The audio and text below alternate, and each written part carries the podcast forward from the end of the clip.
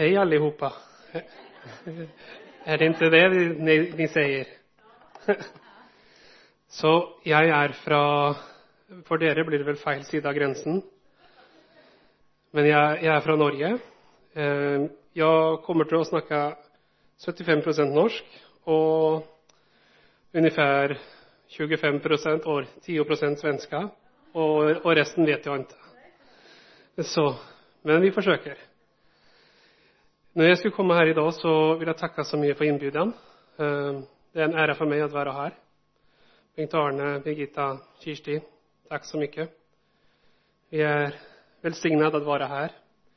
Men det føles veldig eh, eh, rart. Veldig rart for oss, for vi er også pastorer i en kirke i Rakkestad i Norge. Og de har gudstjenest begynner nå, begynner nå om ti minutter.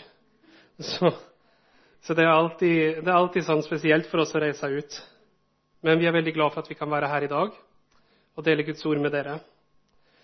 Så jeg vil bare takke Gud igjen. Vi priser deg, far, og vi takker deg for at Den hellige ånd i dag åpenbarer ditt ord for oss. At våre hjertes øyne blir opplyst, slik at vi kan forstå hvilket håp vi fikk ved ditt kall, Herre, og hvor rik på herlighet din arv er for oss som tror på deg, Herre Jesus. Vi takker deg for at Den hellige ånd taler til oss i dag gjennom ordet og virker på våre hjerter. Og jeg takker at vår tro kan enda mer bli grunnfestet på hva ditt ord forteller til oss, Herre. Vi takker deg og priser deg i Jesu navn. Og all, hele folket sa Det er det samme i Sverige, altså. Så bra. så, så herlig. Eh, I dag Vi har faktisk en svensk sognprest i Rakkestad. I den lutherske kirka. Så han, han er min kollega i Rakkestad. Og jeg sendte han om et bilde denne morgenen med tittelen for dagens tal. Og jeg har prøvd å få det på svensk. Så jeg sendte det til han om, og han sa 'Hva har du hittet på nå?' så, så, han er en veldig herlig mann. Han tror på Bibelen og er full fart. Og han, han er fra Sverige, så jeg takker Gud for han. Men jeg tenkte jeg skulle dele med deg her i dag, det er om den ultimate gåva. Og dette er noe som vi har hatt i vår egen forsamling. Vi snakker om ordet pakt på norsk. Jeg tror det er forbund på svenska. Og det er noe som er så viktig når vi går inn i Bibelen. Faktisk, Du vil ikke forstå Bibelen på rett sett hvis du ikke forstår at det er en pakt, et forbund, som ligger der i, bot, i, i bunnen. Faktisk, En ting jeg har tenkt på mange ganger hvis du, delet, hvis du har delt troen din med noen som ennå ikke tror på Jesus, så vil de si 'Hvor er bevisene?' Hvor er bevisene? Men visste du at Bibelen prøver aldri å bevise Guds eksistens? Bibelen sier bare tror du ikke at Gud eksisterer, så er du en idiot. Det er faktisk hva Bibelen sier. Er ikke det ganske fantastisk? At det, det, er så enkelt. Mange ganger vi prøver bare å bevise at Gud finnes. Men Gud sier bare 'tror du ikke, så er du en idiot'. Ja, fins. Og Jeg har lyst til å gå fast til et skriftsted her. Vi skal gå til Hebreabrevet, kapittel 8, vers 10 til 12. Og jeg, jeg leser nå på norsk. Så For dette er pakten jeg vil opprette med Israels hus etter de dager, sier Herren. Jeg vil legge mine lover i deres sinn og skrive dem på deres hjerter. Jeg vil være deres Gud, og de skal være mitt folk. Ingen av dem skal lenger lære sin neste, og heller ikke sin bror, å si, 'Kjenn Herren', for alle skal kjenne meg, fra den minste til den største av dem, og jeg vil være nådig overfor deres urett, og deres synder og lovbrudd skal jeg aldri minnes mer. Når vi leser i Bibelen, så vet vi at det deles inn i Det gamle og Det nye testamentet. Mens det gamle peker framåt mot det som skal skje, at Jesus skal komme, hva Gud har tenkt å gjøre. Det gamle testamentet peker framåt. Mens Det nye testamentet forteller oss det her har skjedd. Dette er hva som har skjedd. Og Mange ganger kristne blir forvirrede når vi blander de to og ikke ser det i lyset av vi ikke får se det gamle i lys av det nye. Faktisk, det gamle uh, Ordet testamentet som vi har på, på Er du klar for litt gresk og hebraisk? Nå skal jeg prøve å ha det òg, i tillegg til svorsk og norsk. Men det hebraiske ordet for testamentet er uh, berith. Og det greske er diateke, men det betyr en skjært eller kuttet pakt. Så når vi leser Bibelen, så vil det si den gamle forbund, den gamle pakt, og den nye, skjærte pakten. Og heng med meg nå, vi skal titte inn i masse greier her, og du må bare henge på meg, ikke sant? Jeg skal gjøre dette praktisk for deg. Vi har hatt dette for helt nye, nye troen, og dem, dem hengte med, så da må du henge med òg. Så det her går veldig bra. Men hva er en pakt? Hvis vi tenker på en pakt, så tenker vi kanskje det her. Vi ser gifteringen. I Norge så har vi den på høyre, men i Sverige dere har på venstre. Så det er veldig fint. Faktisk så er det at det, fra gammelt av så har vi gifteringen på venstre fordi at det går til hjertet. Og det er en blodspakt. Og en blodspakt er en helig, eh, ubrytelig pakt. Og hvis du bryter den, så faktisk, så dør du. Det er sånn her. Og forstår, Hvorfor er det viktig å forstå pakt? For når Bibelen ble skrevet, og Guds språk mange ganger er paktspråk Og hvis vi ikke forstår paktspråket, så skjønner vi ikke alltid hvorfor Gud gjør hva han gjør. Og Derfor er det så viktig at vi kjenner det. Griper du tak i det her for ditt liv, så vil det hjelpe deg. Om du er, om du er usikker, om du er frelst Mange kristne er usikre. Er jeg virkelig frelst? Tilhører jeg Jesus? Men forstår du pakten, så kan jeg si til deg du vil ha en visshet om at du tilhører Honom. Henger du med meg så, så far? Så, så langt? Så en skjært pakt, en blodspakt, ikke, vi vet hva med ekteskapet i dag.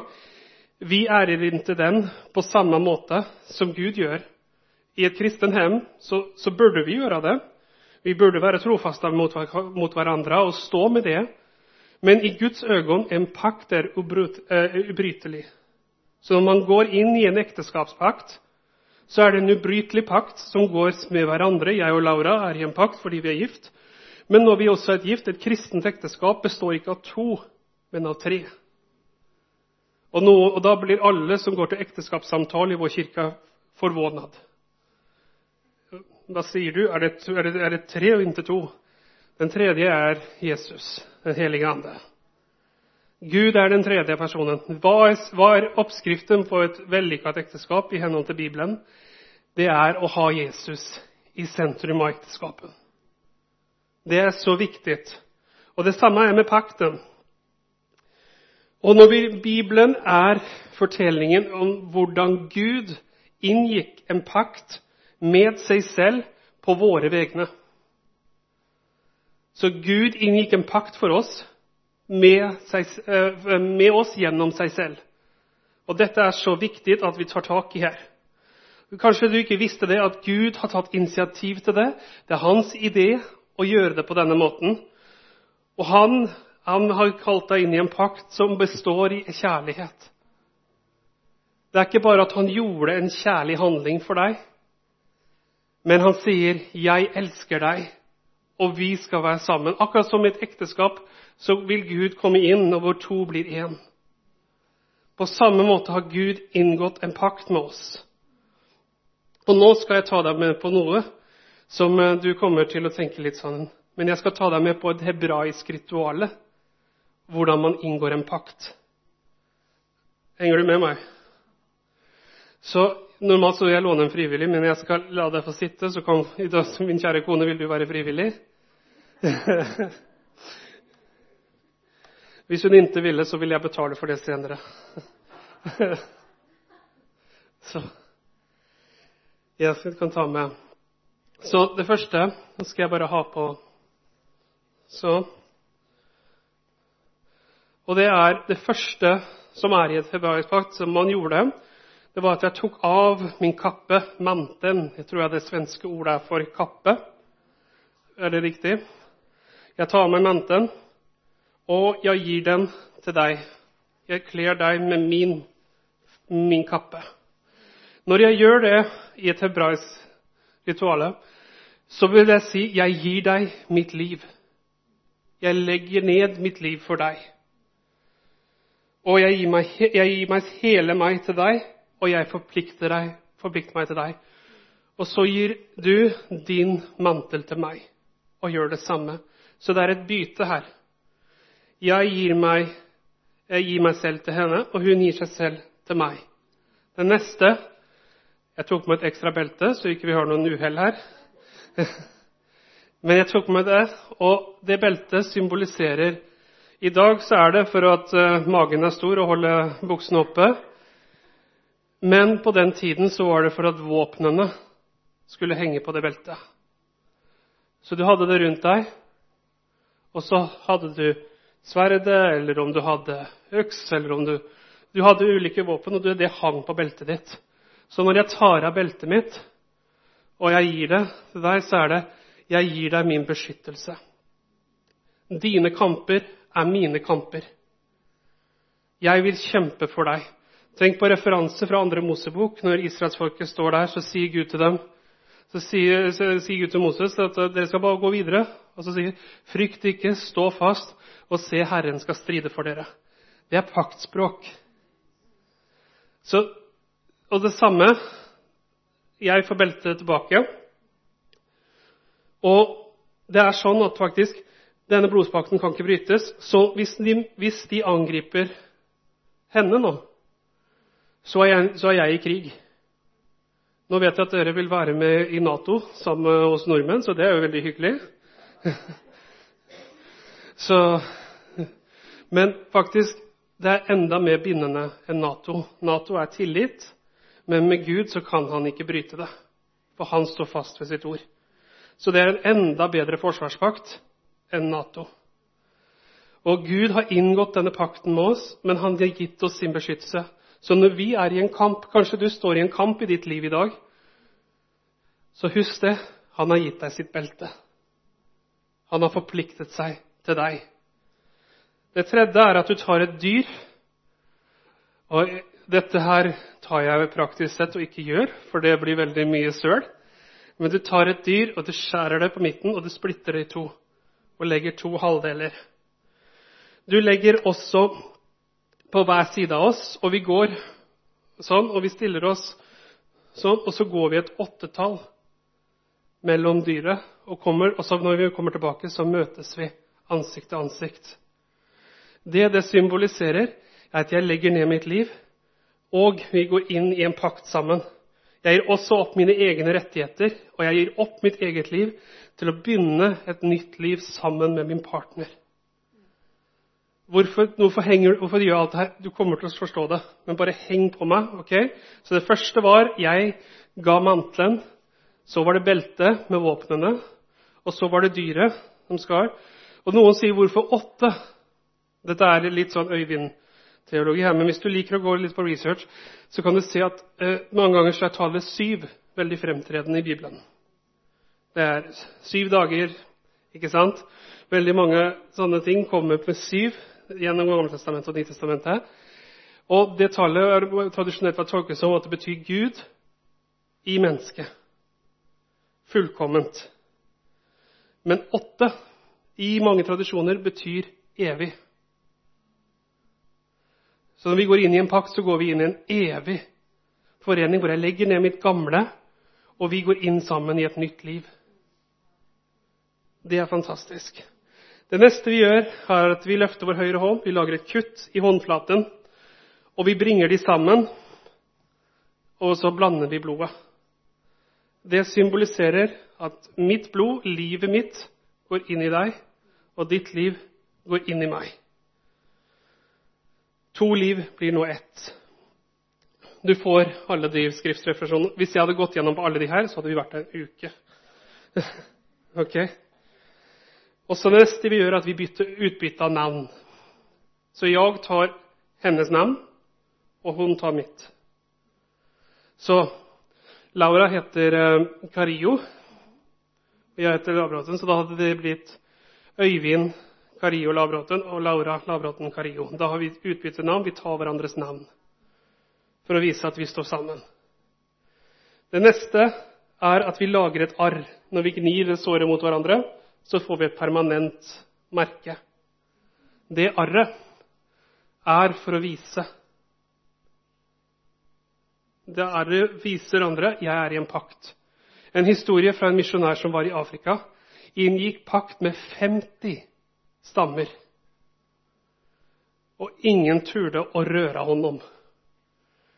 For hvis noen tok denne misjonæren, så var, så var vedkommende i krig med 50 stammer. Og i den kulturen så ærer man pakten. Så det betydde at jeg er faktisk i krig med 50 stammer hvis jeg gjør han, han noe. Og, så det er det neste er betingelser for pakten.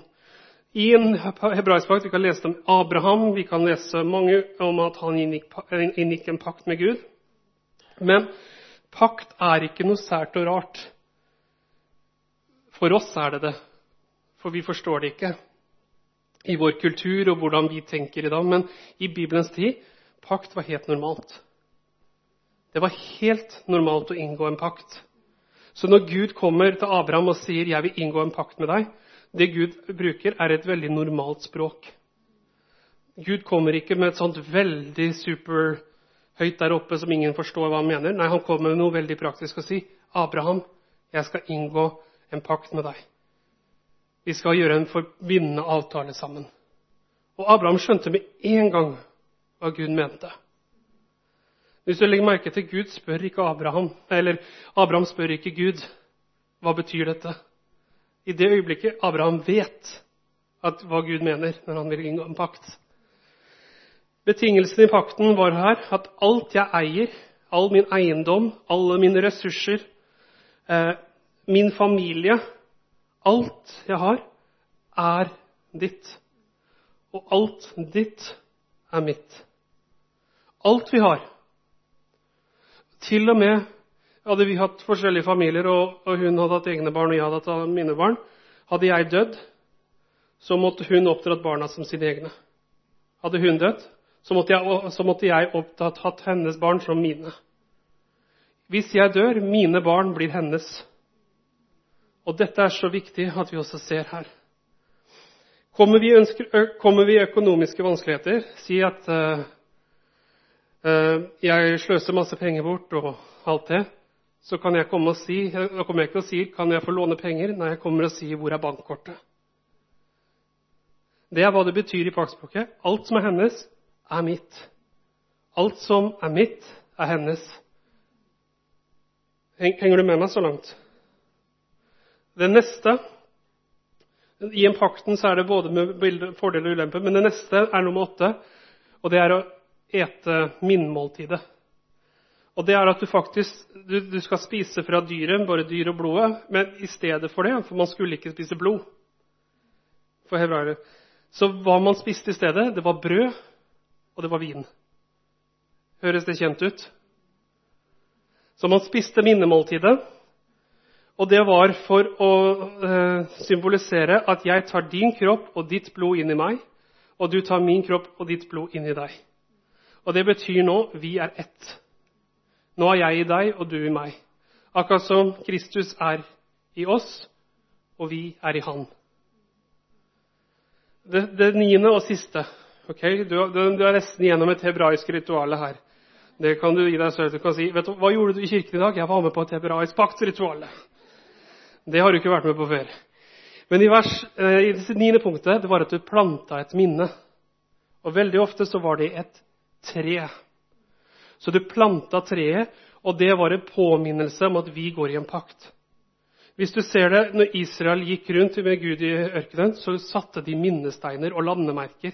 Og de planta også trær hver gang du hadde en sånn, veldig sånn stor ting med Gud, så planta den det. Og så sa det det skal være for dere, og det skal være for deres neste generasjon, og deres barn og deres barn og deres barn. Og skal huske på hvordan Gud førte Israel ut av Egypt.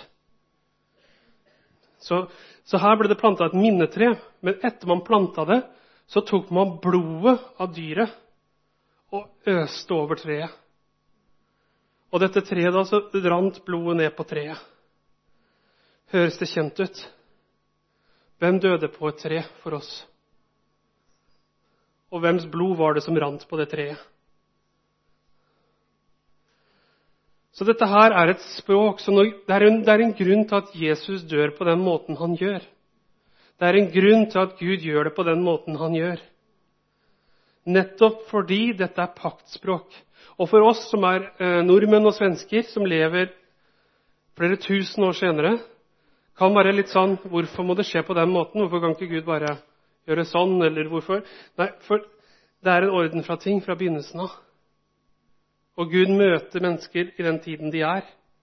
Så når Jesus snakker dette språket med pakt, så alle israelittene forsto hva han mente. Og når vi går litt dypere inn i Bibelen og ser hva disse tingene betyr, så begynner vi å forstå Wow!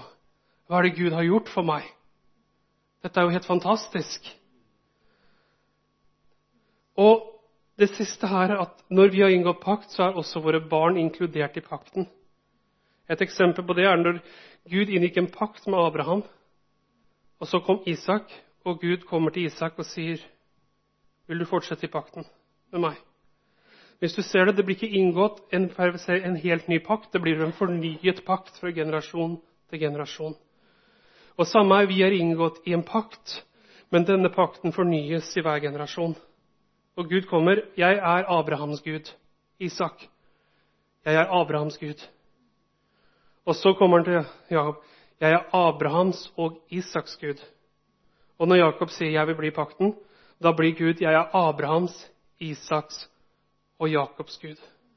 Og senere så blir det bare 'jeg er Israels Gud'. Sånn ser vi. Dette er paktspråk. Og hva har det å si for oss? Jo, jeg kommer til det. Jeg vet at dette er veldig mye av detaljer nå som du må henge på. Men når du ser hvor dette grunnfesta dette er i Guds ord, at det er en rød tråd. Og du ser Jesus i hver eneste side i Bibelen. Hver eneste bok peker på hva Jesus har gjort for oss. Og jeg vil tale med en bibelhistorie om David og Jonathan. Ja, takk, takk skal du ha. og Vi kan gå til første Samuels bok, kapittel 18, eh, vers 1-9. Da han var ferdig med å snakke med Saul, ble Jonathan og David sjelevenner. Jonathan elsket han som sin egen sjel.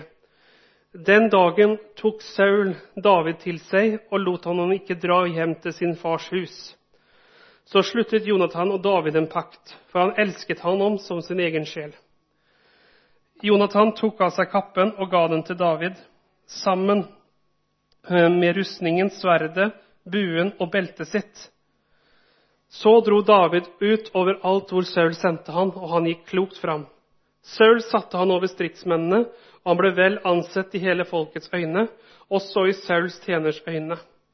Da de kom hjem, og David vendte tilbake etter å ha slått filistrene i hjel, så skjedde det at kvinnene hadde kommet ut med sang og dans fra alle byene i Israel for å møte eh, disse, ja, for å møte kong Saul. De kom med tamburiner, gledesrop og musikk. De danset og sang kvinnene med disse ord.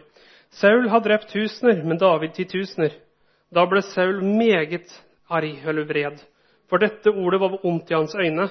Og han sa, de har gitt David titusener, meg har de bare gitt tusener. Hva kan han nå få foruten kongedømme? Fra den dagen så holdt Saul stadig øye med David. Så Vi leser her om Saul og David og, og Sauls sønn Jonathan. Og Det første vi kan forstå her, at, at David og Jonathan blir nære venner. Når, og de inngår en pakt sammen. På den tiden så var, I dag så er det litt sånn vi snakker med noen på et par ganger, og så er vi venner. Vi behandler ordet 'venn' litt løst. På den tiden så var du ikke venn hvis ikke du hadde inngått pakt. Du måtte ha en kuttet pakt for å kunne bruke ordet 'venn'. Det er ganske heftig. Så det er jo vanskelig nok kanskje å få venner i Skandinavia mange ganger uten å måtte inngå pakt. Men på den tiden, var du, hvis du var virkelig venn, så var du i pakt. Hvis ikke, så var du ikke regna som venn. Og Derfor så leser vi også at Jonathan og David blir så nære. De blir venner. De inngår pakt sammen. Og de, veldig, de har veldig omsorg for hverandre. De elsker hverandre som, som venner. Broderlig, vennskapelig. Og alt Men det er bare, midt oppi alt det her så er det Saul, faren til Jonathan. Han hater David. Det begynner ikke sånn, men det, det fører dit. Han til slutt hater David. Og Saul forteller sin familie, som også er Jonathans familie, David er ute etter å ta kongedømmet vårt. David vil drepe oss. David er ute etter å ta oss. Og alt det her vokser Sauls familie opp med og hører. Og Du kan lese litt om de andre familiemedlemmene. De er livredde for David. Og eneste unntaket her, han som er annerledes i den familien, er Jonathan. Jonathan er som David. Han er faktisk mer lik David i karakter enn han er sin egen familie. Men han er av Sauls familie, og han har inngått i en pakt med David. Og dette her han, han, tilhører samtidig som han er annerledes. Og Det er faktisk Jonathan som prøver hele tiden å være denne fredsmegleren mellom David og Saul. Og da kommer vi til andre Samuels bok,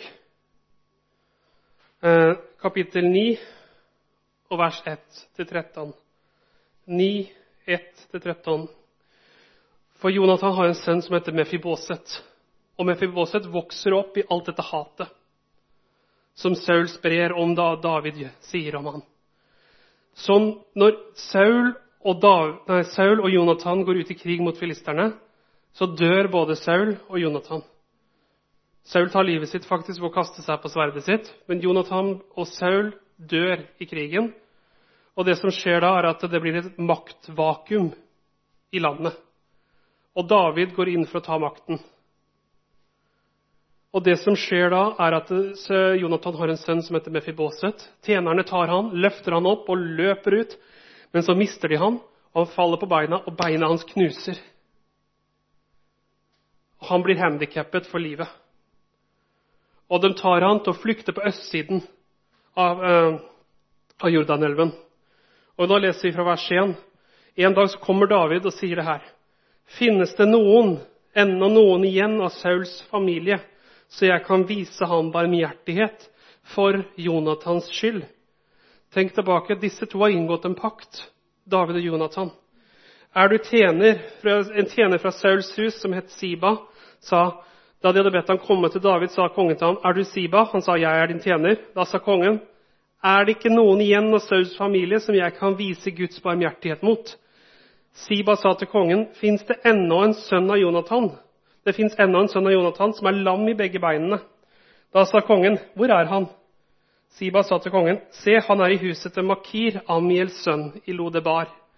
Så sendte kong David bud og hentet han ut av huset til Makir, Amiels sønn fra Lodebar. Da Mefiboset, sønn av Johan, eh, Jonathan, sønn av Saul, sønn av Saul, hadde kommet inn til David, så falt han ned på sitt ansikt og hyllet han. Så sa David, Mefiboset, og han svarte, 'Her er din tjener.' Da sa David til ham, 'Frykt ikke, for jeg skal sannelig vise deg barmhjertighet for din far Jonathans skyld.' 'Jeg skal gi deg tilbake alt det landet din far, hadde, din far Saul hadde.' 'Du skal alltid spise ved mitt bord.' Da falt han på kne og sa, 'Din tjener, hva er han, siden du viser oppmerksomhet mot en død hund som meg?' Kongen kalte til seg Siba, Sauls tjener, og sa til ham, 'Alt som tilhørte Saul og hele hans hus, har jeg gitt din herres sønn.' Derfor skal du og dine sønner og dine tjenere dyrke jorden for han og høste inn avlingen for han. Så din herres sønn kan ha brød å spise, men Mefiboset selv, din herres sønn, skal alltid spise ved mitt bord. Siba hadde 15 sønner og 20 tjenere. Da sa Siba til kongen, alt det min herre har befalt sin tjener, skal din tjener gjøre. Og Mefiboset sa, «Eh, Mefiboset sa kongen han skal spise med mitt bord som en av kongens sønner. Og Mefiboset hadde en ung sønn som het Mika. Alle som bodde i Sibas hus, ble Mefibosets tjenere. Så bodde Mefiboset i Jerusalem, for han spiste alltid ved kongens bord, men han var lam i begge beinene. Og Her leser vi om hvor David gjør godt mot Mefiboset. Ikke pga. at han kjenner Mefiboset, ikke fordi at Mefiboset har gjort noe som fortjener det. Han sier, 'Er det noen igjen av Sauls familie, så jeg kan vise han godt for Jonathans skyld?' Og dette er så viktig. De har inngått en pakt sammen. Og på grunn av Jonathan så sier David, 'Jeg vil velsigne Mefiboset'. Og Han finner ut at det er en tjener som heter Siba. Og Han sier, 'Er det noen igjen?' Det er Mefiboset. Han er lam i begge beinene. Han holder til på i Lodebar. Og da sendte han tjenerne for å hente Mefiboset. Du kan bare tenke deg hvor Mefiboset har følt. Kongens tjenere er her for å hente deg. På den tiden så betydde det døden. Når en ny monark tok tronen, så drepte han familien til den tidligere monarken for å ikke få dispute eller problemer om etterfølgen eh, på tronen. Det som skjer her, er at Mefiboset tenker det var det. Nå er jeg ferdig. Nå, nå dør jeg. Og den tar Mefiboset tilbake. Du kan tenke deg det var nok den lengste reisen han har hatt i sitt liv tilbake til Jerusalem. Og så kommer David. 'Mefiboset, er det deg?' Og han bare 'Ja, nå kommer dommen. Nå kommer døden.' Det var det. Så sier Mefiboset, 'Jeg har inngått en pakt med din far, og jeg vil gjøre godt mot deg.' Fordi jeg elsket din far, og derfor elsker jeg deg. Det er hva David sier. Og Mefiboset bare tenker hva er det her for noe? Er det David? Han som vi har hørt om, som hater oss, som ville ta kongsmakten fra oss, som ville ødelegge meg. Det var han jeg hadde hørt om. Men dette er ikke hva jeg har hørt. Og David sier, 'Jeg skal gjenopprette til deg alt som ble tatt fra deg. Og du skal være min sønn.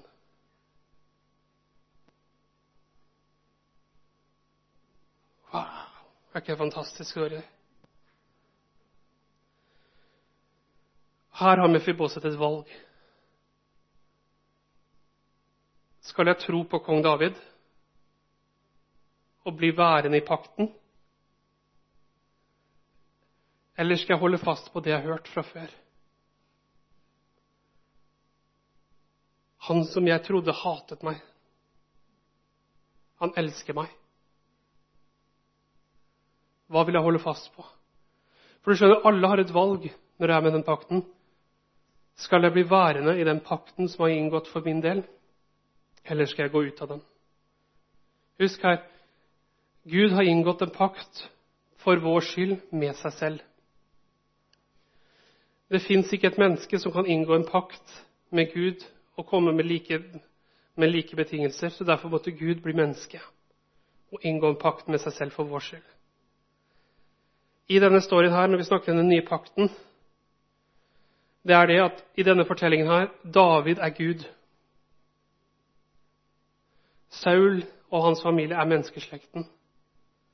Mefiboset er oss. Men hvem er Jonathan?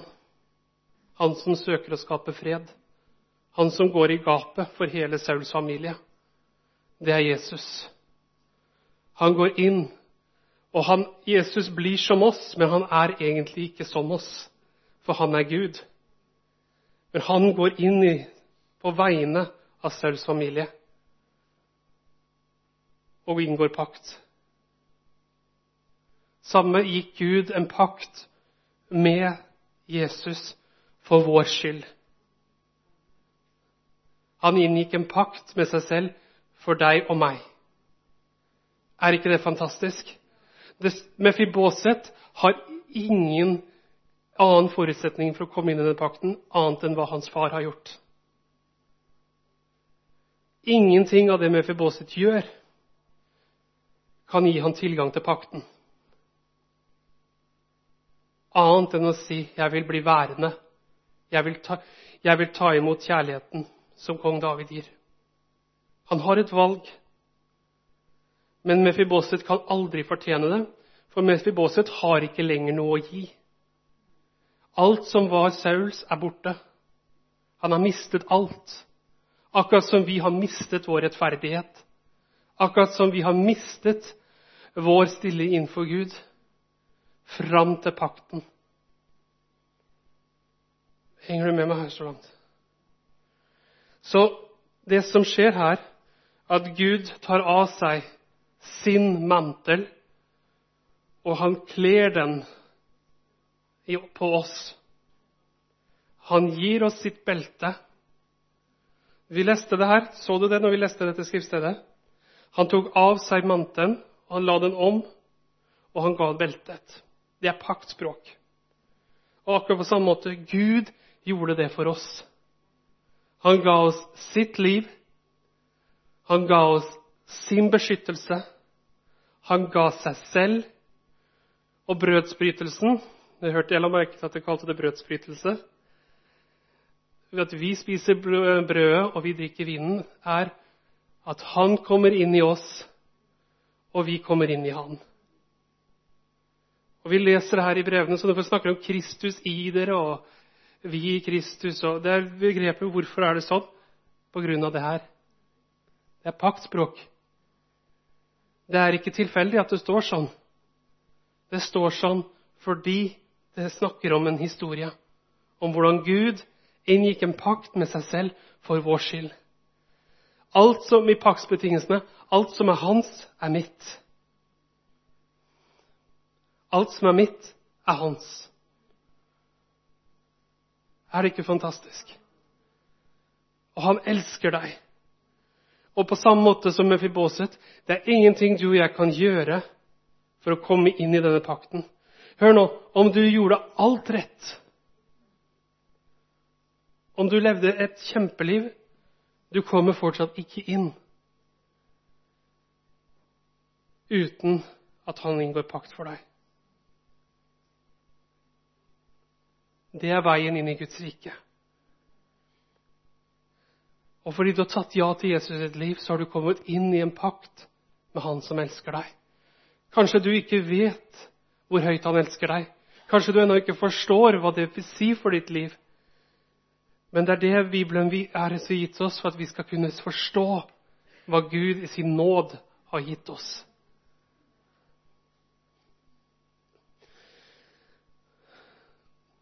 Jesus er også Det var Jesu blod som ble øst på treet, men Jesus er også blitt kalt hva da?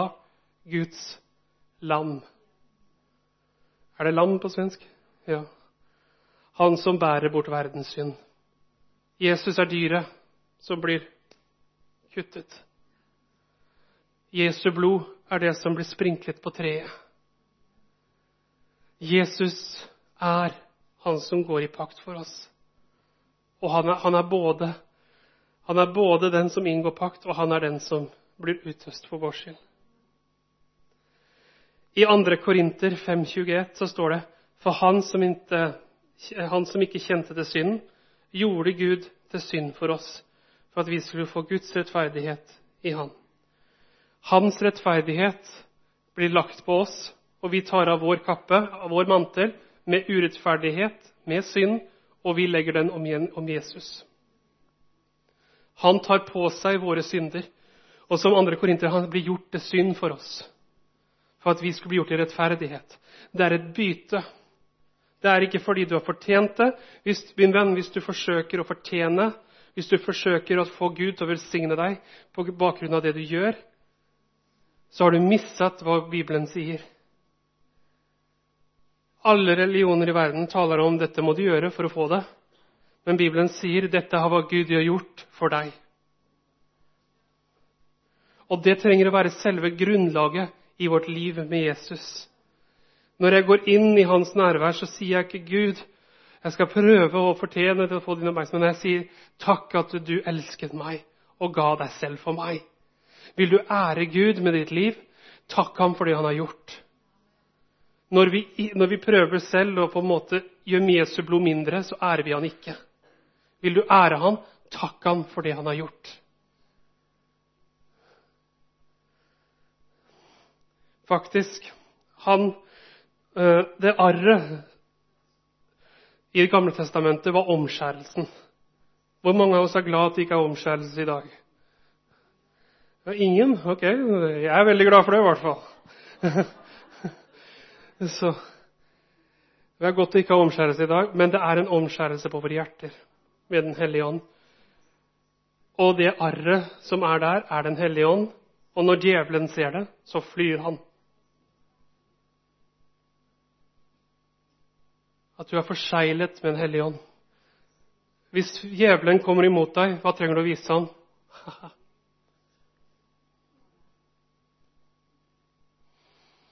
Du ser, Kommer du mot meg, så vet du hvem som kommer og tar deg. og da flyr han. Mange ganger så har vi en debatt med djevelen. Du trenger egentlig bare vise han arret. Du driver sånn i sinnet og krangler. Men det du egentlig bare trenger å vise han Jesus har gjort meg rettferdig. Jeg har Den hellige ånd. Vi trenger å behandle djevelen mer som en fartsdump enn et problem. Den eneste gang du føler det, er når du passerer han. På grunn av Jesus har avvæpnet han om. Vi har autoritet i hans navn. Vi har velsignelse i hans navn. Vi har frihet, og vi er Guds sønner og døtre på grunn av hva Jesus har gjort. Det er pakten som er grunnen til at du er frelst. Det er pakten som er grunnen til at du kan komme med, at du kommer til himmelen. Jeg hadde en bestemor. Hun vokste opp i en luthersk eh, tradisjon. Og hun trodde på Jesus. Veldig herlig dame. Og hun var frelst. Men hun gikk alltid med en usikkerhet på om hun kom til himmelen. Og mange kristne har det sånn. Men Gud vil at du skal være sikker. Det er ikke på hva du har gjort, men det er hva Han har gjort for deg. Det tilhører deg. Du er Guds sønn, du er Guds datter. Han elsker deg. Og han har inngått en pakt med deg med, med, gjennom, å, gjennom, å, gjøre det igjen med seg selv. Så jeg skal straks lande. Så hvis ikke så går det lenger enn fire år til neste gang jeg er her igjen. så jeg har lyst til å bare lese noe her. Men det Jesus sier til oss, han sier Jeg har bare lyst til å lese det her. for det. Men alle dine synder, sykdommer, plager og sorger tar jeg på meg. Jeg tilgir deg og husker ikke på dine synder mer. Jeg valgte å bli synd for deg og jeg gir deg min rettferdighet, som er ren, helig og til velbehag for meg. Du kler meg med din kappe og skjortel av synd, men jeg kler deg i min rettferd og frelse. Jeg legger, ned, jeg legger min ånd i deg og velsigner deg med all åndens velsignelser.